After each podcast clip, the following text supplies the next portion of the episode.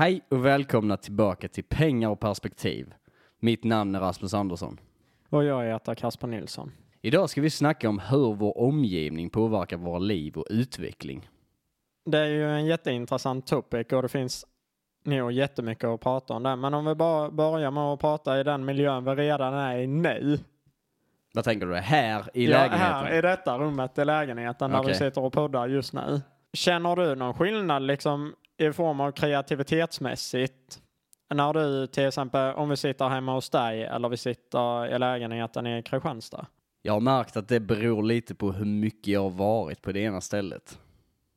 För det känns som att när jag kommer in hit, som vi snackade om, jag tror det är två eller tre avsnitt sedan, så sa jag att det känns som en liten mini-vacation ibland när vi drar in hit. Jag och min särbo då. Så jag känner nästan att jag blir mer kreativ och mer produktiv när jag ändrar min omgivning och miljön lite så från och till. För det känns som att man får en ny push varenda gång istället för att sitta på samma ställe. Så, men då blir det nästan att jag är mer produktiv här inne och kreativ. För det är ett ställe som jag aldrig eller inte har varit på så mycket jämfört med mitt eget hus då. Ja, du menar det skapar en form av ineffektiv, eh, ineffektivitet hemma liksom när man går i samma miljö och så blir det lätt man duttar lite här och duttar lite där. Absolut så med, men jag känner mer att jag trillar tillbaka till mina gamla vanor när jag är där hemma. När vi bodde i huset tillsammans så hade vi båda jättedåliga rutiner. Och även vanor också.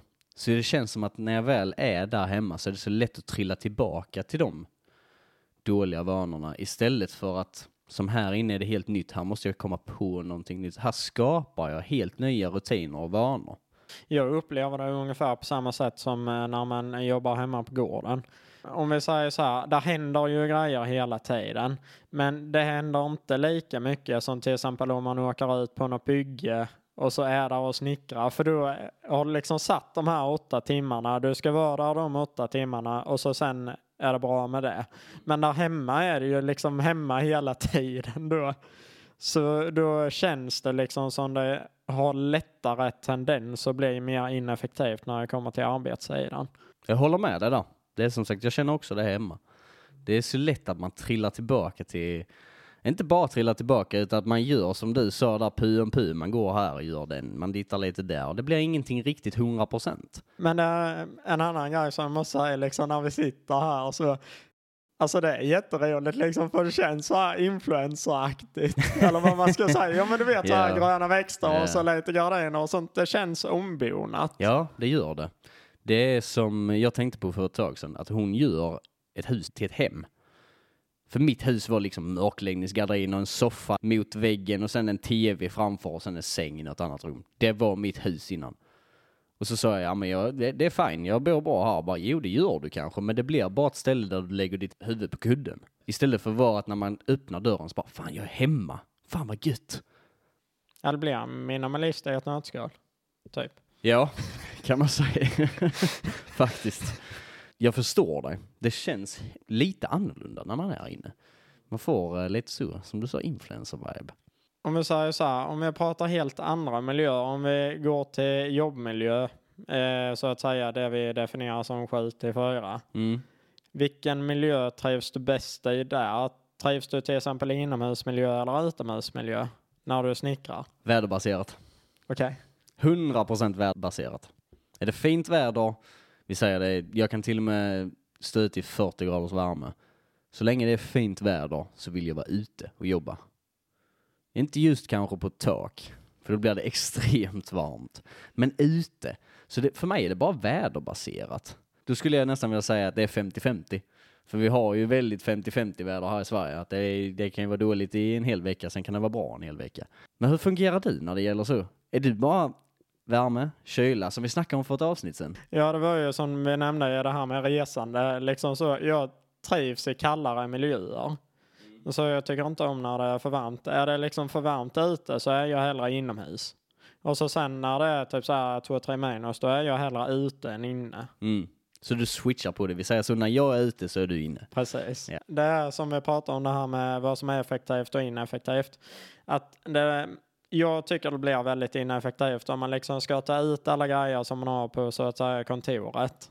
Och så tar det jättemycket längre tid än när man bara sitter vid datorn inomhus och har alla grejer liksom setup. Jag hade kunnat tycka det var gött med ett miljöbyte. dodo. För det är som sagt, jag känner mig mer kreativ och produktiv. Om jag får lite miljöbyte dodo. Om vi säger så här, visst det är väl skönt att sitta ute där hemma men jag vill ju liksom ha ett sånt här rationellt ombyte, alltså rationellt miljöombyte. Typ så här man ser en bunke kokosnötspalmer och lite sånt. För då tänker jag, då kan jag lika gärna sitta inne för jag är ute så många timmar på dygnet ändå. Jag känner ändå att även om jag skulle sitta in en vecka och sen så ut en vecka så känner jag ändå att jag hade gärna fortsatt på det. Även om det är jobbigt att ta ut de här grejerna, typ som du sa att du ska flytta hela din workstation. Mm. Men då kan man ju också sträva efter att ha två workstations, tre, fyra, fem.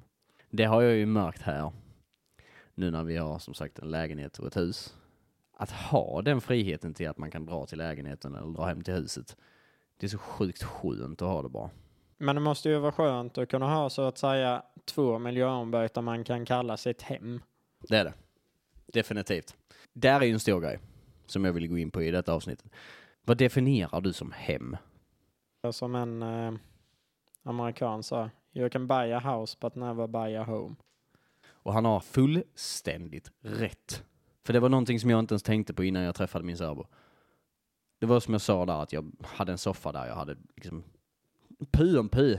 Det var så minimalistiskt som det bara kunde vara. Sen kan vissa kanske tycka att det är jättebra, men eh, kom hem till ett hem som är trevligt att vara i, som du faktiskt längtar när du slutar klockan fyra. Vi tar 16 nu som den vanliga tiden och slutar. Så känner du att när du sätter dig i bilen och kör hemåt så bara shit vad skönt jag ska hem. Istället för bara okej okay, nu ska jag hem, laga min mat, lägga mig på kudden och sen så ska jag börja om nästa dag. Men sen är ju inte enbart miljön hemma, om vi nu pratar om hemma och liksom ett hus. För ett hus är ju liksom som du säger, bara någonstans man har att lägga huvudet på när man sover. Vissa klassar det som det. Ja, precis. Mm. Det är ju också de personerna som finns i den miljön hemma. Visst, jag hade kunnat bo i vilket hus som helst, men det hade inte varit ett hem för mig, för jag vill ha min familj runt om mig. Ja, och det, jag håller med till hundra procent. Det är bara att man måste börja uppskatta de som är runt omkring sig också. För det var någonting som jag var nära på att mista. Både värdefulla vänner, min familj och min kära särbo. Allt det där höll jag på att mista på grund av att jag var blind nog till att inte uppskatta dem. Och inte nog med det, säga att man uppskattar en person. För du kan tänka så här många gånger, ja men de vet om att jag uppskattar dem. Men de är ingen fucking tankeläsare. Säg det istället, använd ord. Så bara, ja men jag visar det på lite olika sätt. Ja men hur vet du att de tolkar det som det? Jag är fullt med på vad du menar. Det är därför jag också tycker det är viktigt att liksom vara övertydlig med det. Att du trivs i den miljön. Du visar liksom respekt, kärlek och vänskap till de personerna du bor med. För liksom gör du inte det, nej då börjar de liksom skapa egna tankar. Hur, hur liksom är det här? Vad tänker han eller vad tänker hon? Och det är det som är ett av det farligaste för helt plötsligt så har de bildat en helt ny uppfattning om dig. Den har ändrats helt och hållet. För det var faktiskt eh, en rolig grej som en eh, kompis sa till mig för väldigt länge sedan. Eller ex-kompis blir det nu. Han sa så att har du tänkt på det här att alla har en helt egen uppfattning om hur du är? Så sa jag bara, ja men det, det, det är väl klart. Ja men han bara, ja men tänk på det verkligen. Du ser dig själv på ett, ett sätt. Sen kan du ha tio personer som inte ens har i närheten av samma syn på dig. Hade de skrivit ner deras uppfattning av dig och deras syn på dig så kanske det inte hade stämt överens med en enda fucking punkt förutom att du ser, om vi tar mig, förutom att jag har kort hår och blåa ögon. Det är kanske det som hade eh, stämt. Men allting annat hade kanske varit annorlunda. Och det är ändå rätt sjukt när man tänker på det. Alltså det är så jätteroligt att du säger det här, för jag funderar på det innan med. Om vi säger så här, om någon bara hade hört ett ord från mig, då kan jag låta som världens trögaste människa. Mm.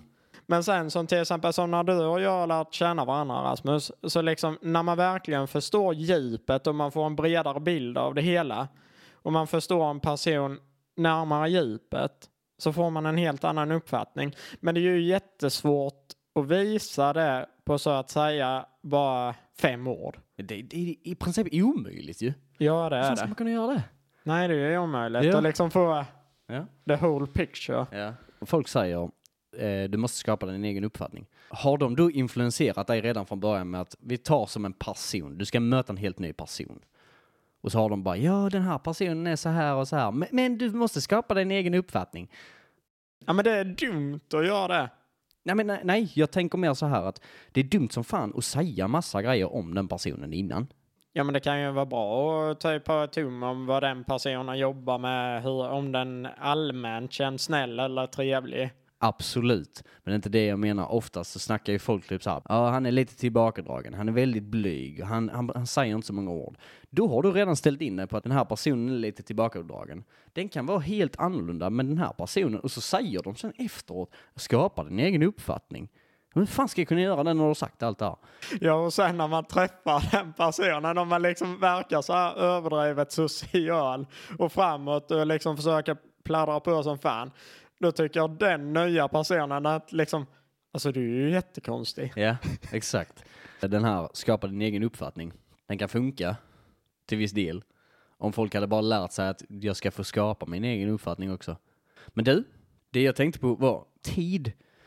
Den tror jag är den stora faktorn för folk har så fucking bråttom nu för tiden. Jag liksom patience. Jag snackade med en kompis för ett tag sedan.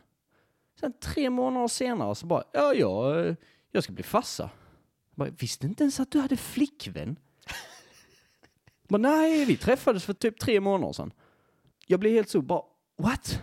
Jag har varit tillsammans med min flickvän i fem år snart. Nu säger jag inte att det är ett krav att man ska ha det hur länge som helst, för känns det rätt så kör. Men jag tycker att tre, fyra månader, till och med ett år, är du helt hundra på att det är en person som du vill starta ett helt nytt liv med? Ja, det är ju ett väldigt stort beslut där och det är det jag menar med att man kanske går för fort in i saker. Absolut, saker och ting ska ju inte ta för lång tid för då kan det ju bli att motparten tröttna, Kan vi liksom vara rörande överens om. Att man liksom försöker vara för rationell, liksom det här att alltså man måste skaffa barn, man måste skaffa bil, man måste skaffa hus, liksom hela det här Svenssonlivet, familjelivet, badabing, badabo, typ. Det kan liksom inte ta fem år. Liksom på två år där skaffar du bilen, typ fjärde året skaffar du huset och typ femte året skaffar du unge. Jag tror det är sociala medien som har förstört väldigt mycket när det gäller relationer och sånt. För det är där det pushas så in i. Du ser ju din käraste influencer har börjat skaffa familj och typ flytta till världens jävla mansion och så tänker du, vad fan är jag egentligen? Men om du då hade tittat istället, man var, var jag för två år sedan.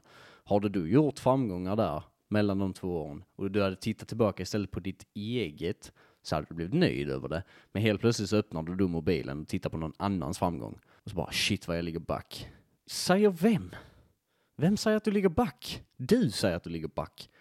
Ingen annan. Så det, jag tror att det är att man ruschar in i grejer nu för tiden. Men det är ju ungefär eh, som den tanken jag har det här med att resa när jag är 25. Alltså jag hade kunnat satt den, det målet när jag är 22. Men först och främst så tror jag inte jag kan nå det då. Eh, om jag verkligen är seriöst realistisk. Och sen fem år är en väldigt lång tid.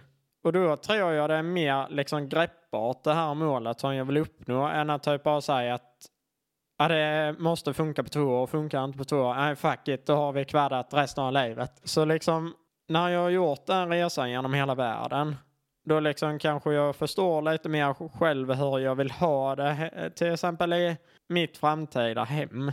Det jag kallar mitt hem hemma. Kanske jag hittar någon person jag vill dela livet med på vägen. För att bara slänga sig in i en halvkassrelation nu, hitta något halvsunkigt hus någonstans, det är liksom inget som lockar mig direkt. Jag tycker faktiskt mer skulle haft det tänket. Att man vill hellre leta efter någonting som är the real deal. Istället för att, ja men jag nöjer mig med detta. För att säga att du nöjer dig helst när du ska implementera en helt ny person i ditt liv och du ska ta tid från dem.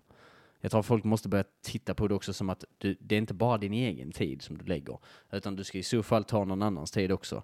Gör det då så det blir värt dens tid. Är det inte värt ens tid och du känner det redan från tidigt stadie, bryt. Precis. Alltså jag aktivt letar ju inte efter en partner eller så. Men när jag väl hittar den rätta så hittar jag säkert den rätta. Men jag går ju in med den inställningen att det är inte något som ska hålla en vecka, en månad, utan det är ju något jag vill ska hålla för resten av mitt liv. Nu vill jag inte att det här ska framstå som psykoaktigt så att man ska tvinga fast saker och vara kvar hela livet. Det är ibland kanske inte möjligt av vissa anledningar. Men det är liksom det jag har som ambition. Den kan vara bra men den kan också vara skadlig när det gäller förhållande. Jag har first hand experience av det. Min flickvän gick ju in i vårt förhållande med tanken att vi skulle ha barn, vi skulle gifta oss, vi skulle göra allt det här. Medan jag gick in att, med tankesättet att vi ska ta dag för dag, vi ska göra det bästa av det. Och som hon själv kan kommentera, om hon hade varit här, det är väldigt skadligt att gå in med den mentaliteten i ett förhållande från början. Du kommer tåla mycket mer skit än vad du kanske hade behövt. För att du tänker, du ser the long run, du ser slutmålet som inte ens är ett säkert mål. Men du ser det slutmålet och det kan göra att du går igenom som sagt mycket skit och mycket dåligt. Men du menar som man inte skadande. borde göra? Ja, då? som du inte borde göra. Som du borde ha tagit tecken för att det här är kanske inte rätt situation för dig. Men även om det är rätt människa så, eh, som du liksom vill dela livet med så kan du ju inte säga om det är rätt eller fel förrän du är typ 90 bast. Det blir väldigt komplext av det. För det finns varken något rätt eller fel i detta. Det är bara typ hoppas man gör rätt. Men jag tror ändå du kan påverka väldigt mycket med vilket mindset du har när du går in i det.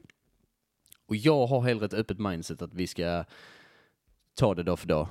Jag är med på vad du menar, men om vi säger så här till exempel eh, om den du är ihop med på ett ettårsbasis, en vecka av dem med den här personen är fullkomligt miserabel. Alla andra veckor är hur bra som helst. Och det är liksom happy life. Går man dag för dag och liksom inte ser på helheten så kan jag tänka mig att efter den veckan kanske man gör slut istället för att se på hela bilden. Bra observation, för jag tänkte inte på det så. Du kan ändra lite att du kan ta det dag för dag, men du måste ändå ha i åtanke vad som har hänt och vad som har varit. Utan har du haft det jättebra i, som du sa, kanske flera veckor, flera månader låt oss säga, och sen kommer en dålig vecka, ja men då ska du inte göra slut kanske för det. Ja, det är det jag menar. För den en vecka kan ju typ liksom inte bara fucka upp 50 framtida år. Nej, definitivt inte, men jag tror ändå det är viktigt, viktigare att leva dag till dag än att leva i framtiden att ja men det här kommer hända. Ja men förr eller senare kommer vi gifta oss. Förr eller senare kommer vi ha barn. För då har man ju hopp i förhållandet med. För har man inte hopp i förhållandet, liksom vad är det för förhållande då? Det ska inte bli så du blir sinnessjuk. Nej. Men det är det jag menar, det kan det ju bli. Det kan ju verkligen bli så att det skadar dig själv för att du kan ju blunda för så mycket skit. Ja, det kan ju bli självhallucinering typ. Ja. Eller så. Jag får en känsla av att detta blir väldigt emotionellt och sen är det liksom svårt att säga vad som är rätt eller fel. Så det gör detta hyperkomplext men också väldigt enkelt. Ja, exakt. För vad som är rätt för någon annan och vad som är fel för någon annan betyder absolut inte att det är rätt eller fel för dig. Det är därför jag tycker att de här jävla love gurus och sånt. Nej, de- jag, jag, jag tror inte på sånt. För att de ger dig, de gör det i princip som ett eh, A4, som ett frågeformulär. Att ja men kryssar du i rätt på de här frågorna så kommer du matchas med den här personen. Bara för att ni har likadana intressen eller ni tycker likadant om politik så betyder inte det att ni matchar i verkligheten. Alltså det finns väl självklart att det finns någon form av förd statistik på att dessa människor passar bättre med dessa människor. Mm. Men statistik hör inte hemma i relationer om vi säger så istället. Nej, inte till det individuella valet. För att återgå till en grej jag skulle fråga. Det här du nämnde med den vännen som inte är en vän, vad menar du där? Det är ju en av sakerna som jag ville diskutera idag. Byte av umgänge. Det är ju också en viss miljö och omgivning ju. Det är ju vilka du umgås med och vilka du tillbringar tid med. Jag insåg för ett tag sedan att jag har umgåtts det är säkert många som kommer ta illa upp av det här. Men så får det, så får det bli helt enkelt. Jag har umgåtts med folk som inte har deras livsplaner har inte linat upp med mina, men jag har blundat för det för att vi har varit kompisar alldeles för länge. Och det är någonting som kan göra en väldigt blind, samma i relationer.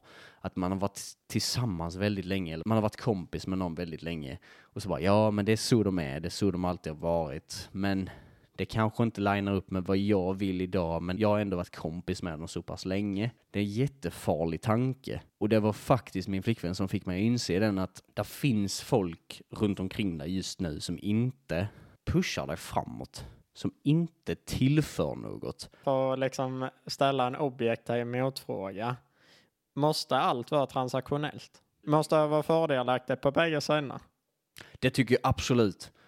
En, en vänskap, det ska väl ändå vara fördelaktigt på båda sidorna för annars kommer den ena personen dra totalt slut på den andra. Vad händer då när den är totalt slut? Men då går den personen i så fall vidare till någon annan och lämnar den andra i sticket. Så definitivt. Jag tyckte det var en viktig fråga att liksom ta upp, så vi tar det från ett objektivt perspektiv. Och till och med där säger jag att definitivt att det ska vara fördelaktigt för båda parterna. Men jag säger inte att det måste vara så att den ena ger mer energi eller att båda måste ge energi för att det ska vara en bra vänskap. Men jag tycker att båda parterna måste tillföra med något. De måste sikta på framgång och inte sitta fast. Sen är det ju samma sak där som jag nämnde i det här med relationer. Att till exempel hela året är jättebra förutom den här veckan. Ska du göra ja med den männen då bara efter den veckan? Det ska du absolut inte göra. Men om du har ett återkommande problem och som du till slut faktiskt ser också är ett problem. Det måste vi säga här. Du har full kontroll vilka som är i din omgivning och i ditt umgänge. Så säger vissa, nej men jag väljer inte mina kompisar. Du gör du helt fel för då går du efter någon social norm.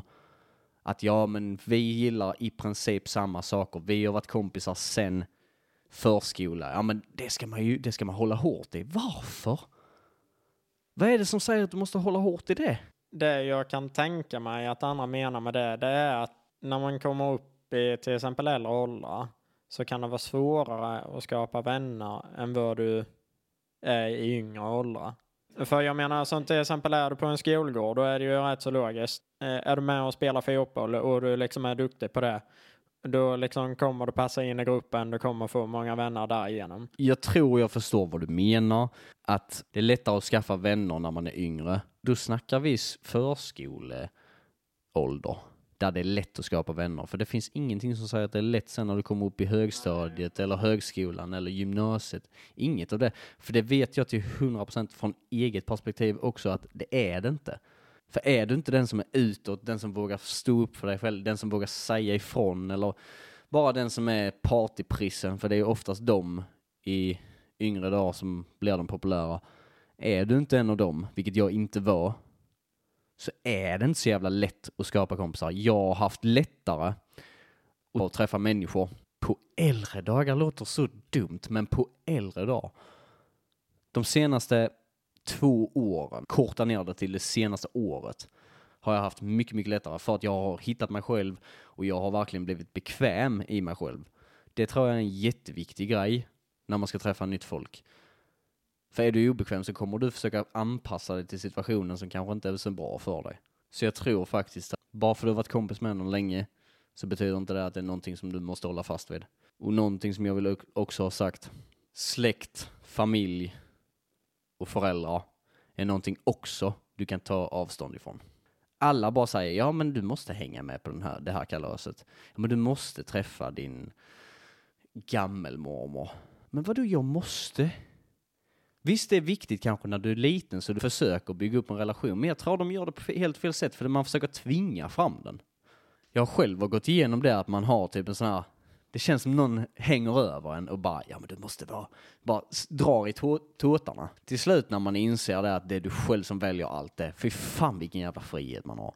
Nu för att liksom hoppa in i en annan sak som liksom ändå har det med att göra det här. Du definierar att man känner sig som en Mariette. Jag känner mig som en Mariette-docka jag- liksom när jag gick i grundskolan.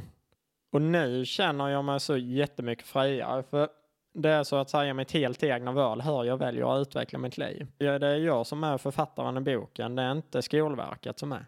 Det där var en sjukt jävla bra liknelse på det. Du blir inte influenserad till att sluta skolan. Både ja och nej. När vi skulle bygga stallet så blev jag det.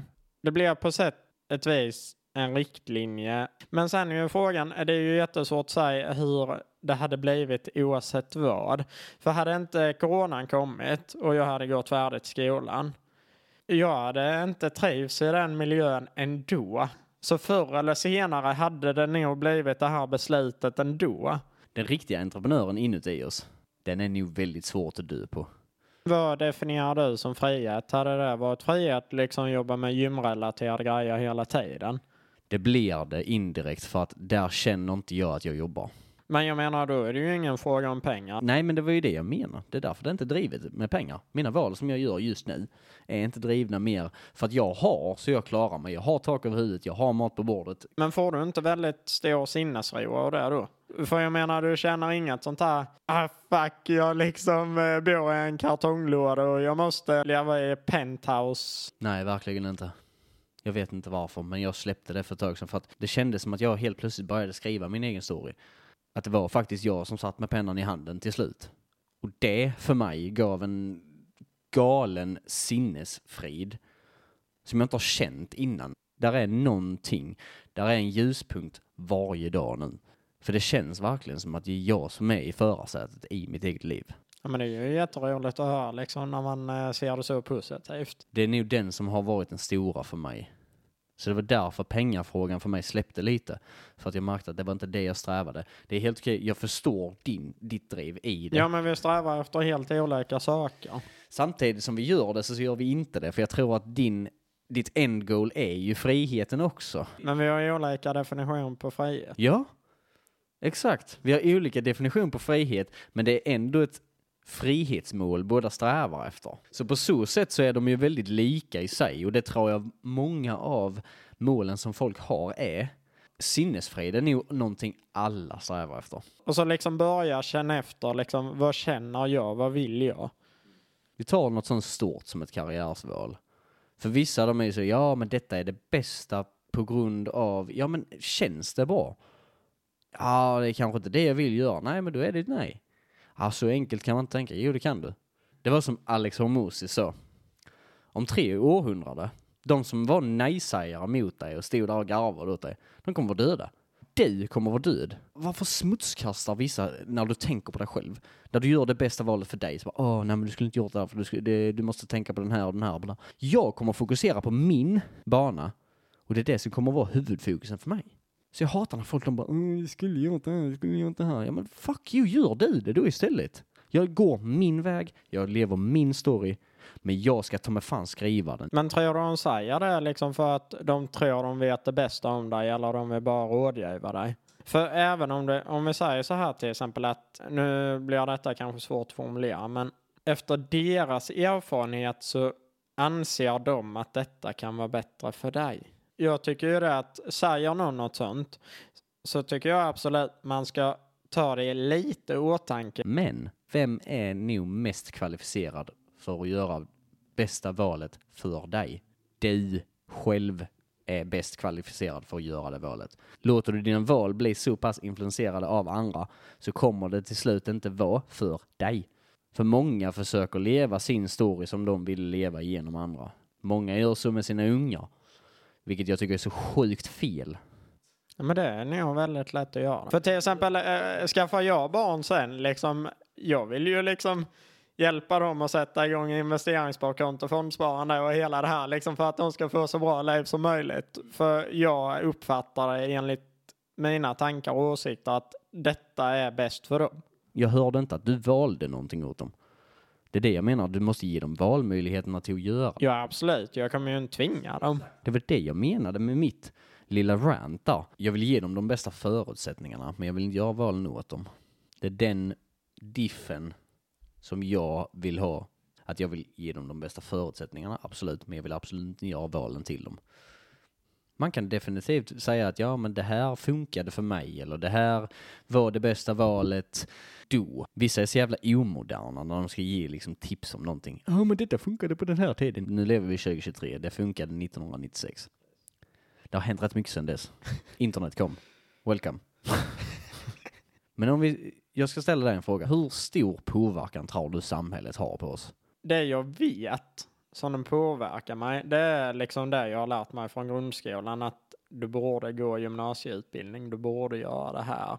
Men liksom det här drivet av att hoppa framåt. Jag vill något mer, jag vill framåt och jag vill utveckla tillsammans med andra människor. Det är det jag vill i mitt liv. Så kontentan blir att dagens samhälle påverkar det inte ett skit. Men för att ställa frågan till dig, känner du att ditt samhälle och din kultur har satt dig i ett förbestämt fack på vad du skulle bli? Och känner du att du är där nu där du inte vill vara? Nej, definitivt inte. Nu är jag där jag vill vara. Nu är jag på rätt väg. 100%. Men det är därför jag inte vill använda det som en ursäkt heller, att det, det inte gick bra för mig innan. Så jag säger inte att det var samhällets fel, utan jag tillät mig själv att bli så pass påverkad utav samhället och utav alla andra, så att jag till slut inte kände igen mig själv när jag tittade mig själv i spegeln. Utan det var någon helt annan som någon annan hade utformat. Så nej, nu är jag på rätt väg och nej, det påverkar mig inte alls, samhället. Det kan jag ställa till dig också. Om vi tar negativitet. Påverkar det dig när du gör någonting som du älskar och tycker om? Är det kortsiktiga? Ja. Men är det långsiktiga? Ibland, men jag försöker skapa min egen bild så gott jag kan i den mån jag förstår mig på. Som till exempel med mitt egna klädesvarumärke. Jag har lagt pengar på det. Och själv, om jag liksom stänger in mig i ett nötskal, så tror jag på det. Det är jättesvårt att veta vad som är rätt eller fel när vissa säger det ser hur bra som helst ut, men sen andra säger det ser helt kast ut. Jag kan tänka mig att det blir, eh, det kan bli väldigt kluvet för en. Man vet inte vilket man ska fokusera på. Så det är jätteviktigt att fokusera på, eller inte fokusera på dem, men att ta in båda. För annars tar man bara in det positiva. Till slut så kommer du tro att du är en fel, felfri person ju. Ja, alltså du kan ju manifestera dig till vad som helst. Men det är jättesvårt val att veta vad som är rationellt korrekt och vad som är det bästa. Man får väl vara lite orationell ibland då. Och gå efter vad man själv tycker och tänker. Ja, absolut. Men jag kan ju typ inte svara på om det här klädesvarumärket funkar om två, tre år. Men sen är det jätte, jätte, jättesvårt. Den, den här frågan har jag ställt mig ända sedan jag startade. Borde jag fortsätta låta det leva eller borde jag bara döda det? Det är en väldigt svår fråga. Där hade jag nog utgått efter vad du känner själv. Som vi snackade om innan, känn efter. Tycker du verkligen inte där finns någon, är det inte någon gnista i det alls? Alltså det är helt släckt. Kanske det är dags att ta död på det. Ja, men jag, eh, eh, någonstans finns ju ändå det här hoppet, typ som till exempel när man går på Väla, liksom. Fan vad fräckt det hade varit om det hade funnits en klädesbutik där det står det namnet som jag har startat. Så den gnistan finns ju alltid kvar. Ja, det är skitbra. Lev hellre på den gnistan i så fall. Håll kvar i den med glatta livet. Men det, det är det jag vill komma till, liksom att det är ju det här som vi pratar om transaktionellt, som samma sak det här med vänner. Och liksom för att knyta ihop det här nu, det är jättesvårt att veta om den vännen är till fördel eller till nackdel. För är det den här dåliga månaden och sen resten av året är bra? Eller är hela året dåligt och det bara är två dagar som är bra? Mm, men jag skulle definitivt vilja motsäga där redan. För jag kände, om vi tar vårt som ex exempel, din och min vänskap. Ja. Det började som kollegor. Det gick jävligt fort till vänskap på grund av att vårt mindset och tänkande var så pass lika. Men sen är vi så sjukt olika. Om man tittar på dig och mig bara som konkret person så är vi så sjukt olika. Men det enda vi nog matchar på så sätt är nog drivet i oss. Man känner av rätt så tidigt när du har en konversation med någon eller du umgås regelbundet med någon så kommer du känna av om det är en person som du vill ha i din närhet och som faktiskt tillför någonting och inte bara tar av dig. Så att du behöver inte gå det här hela året där det har varit en vecka som var dålig och sen så resten är bra. Du behöver inte så pass lång tid för att känna av om någon ska vara i din närhet eller inte. Det är min uppfattning av det. Alltså detta var ett avsnitt som vi kan, vi ska spinna vidare på. Men jag tror vi har traggat sönder öronen på lyssnarna och även på oss själva också. Jag vill bara säga en sista grej som ett litet citat. Folk överskattar vad de kan göra på ett år, men underskattar vad de kan göra på fem år. Citerar du det till Bill Gates eller? För jag tror det var han som sa det. Jag vet faktiskt inte vem det är, men jag vet om att det är ett citat, så jag tar inte på mig det, utan jag bara tycker det är så sjukt bra att tänka på. För folk, de ger sig alldeles för lite tid. Och med det sagt så vill vi tacka er jättemycket ni som lyssnar. orkar stå ut med oss. det är roligt att det finns någon som lyssnar på vårt jävla tjat. Men vi tackar och så hörs vi i nästa Ja. avsnitt. Ni får ha det så bra. Ha det gött. Hej.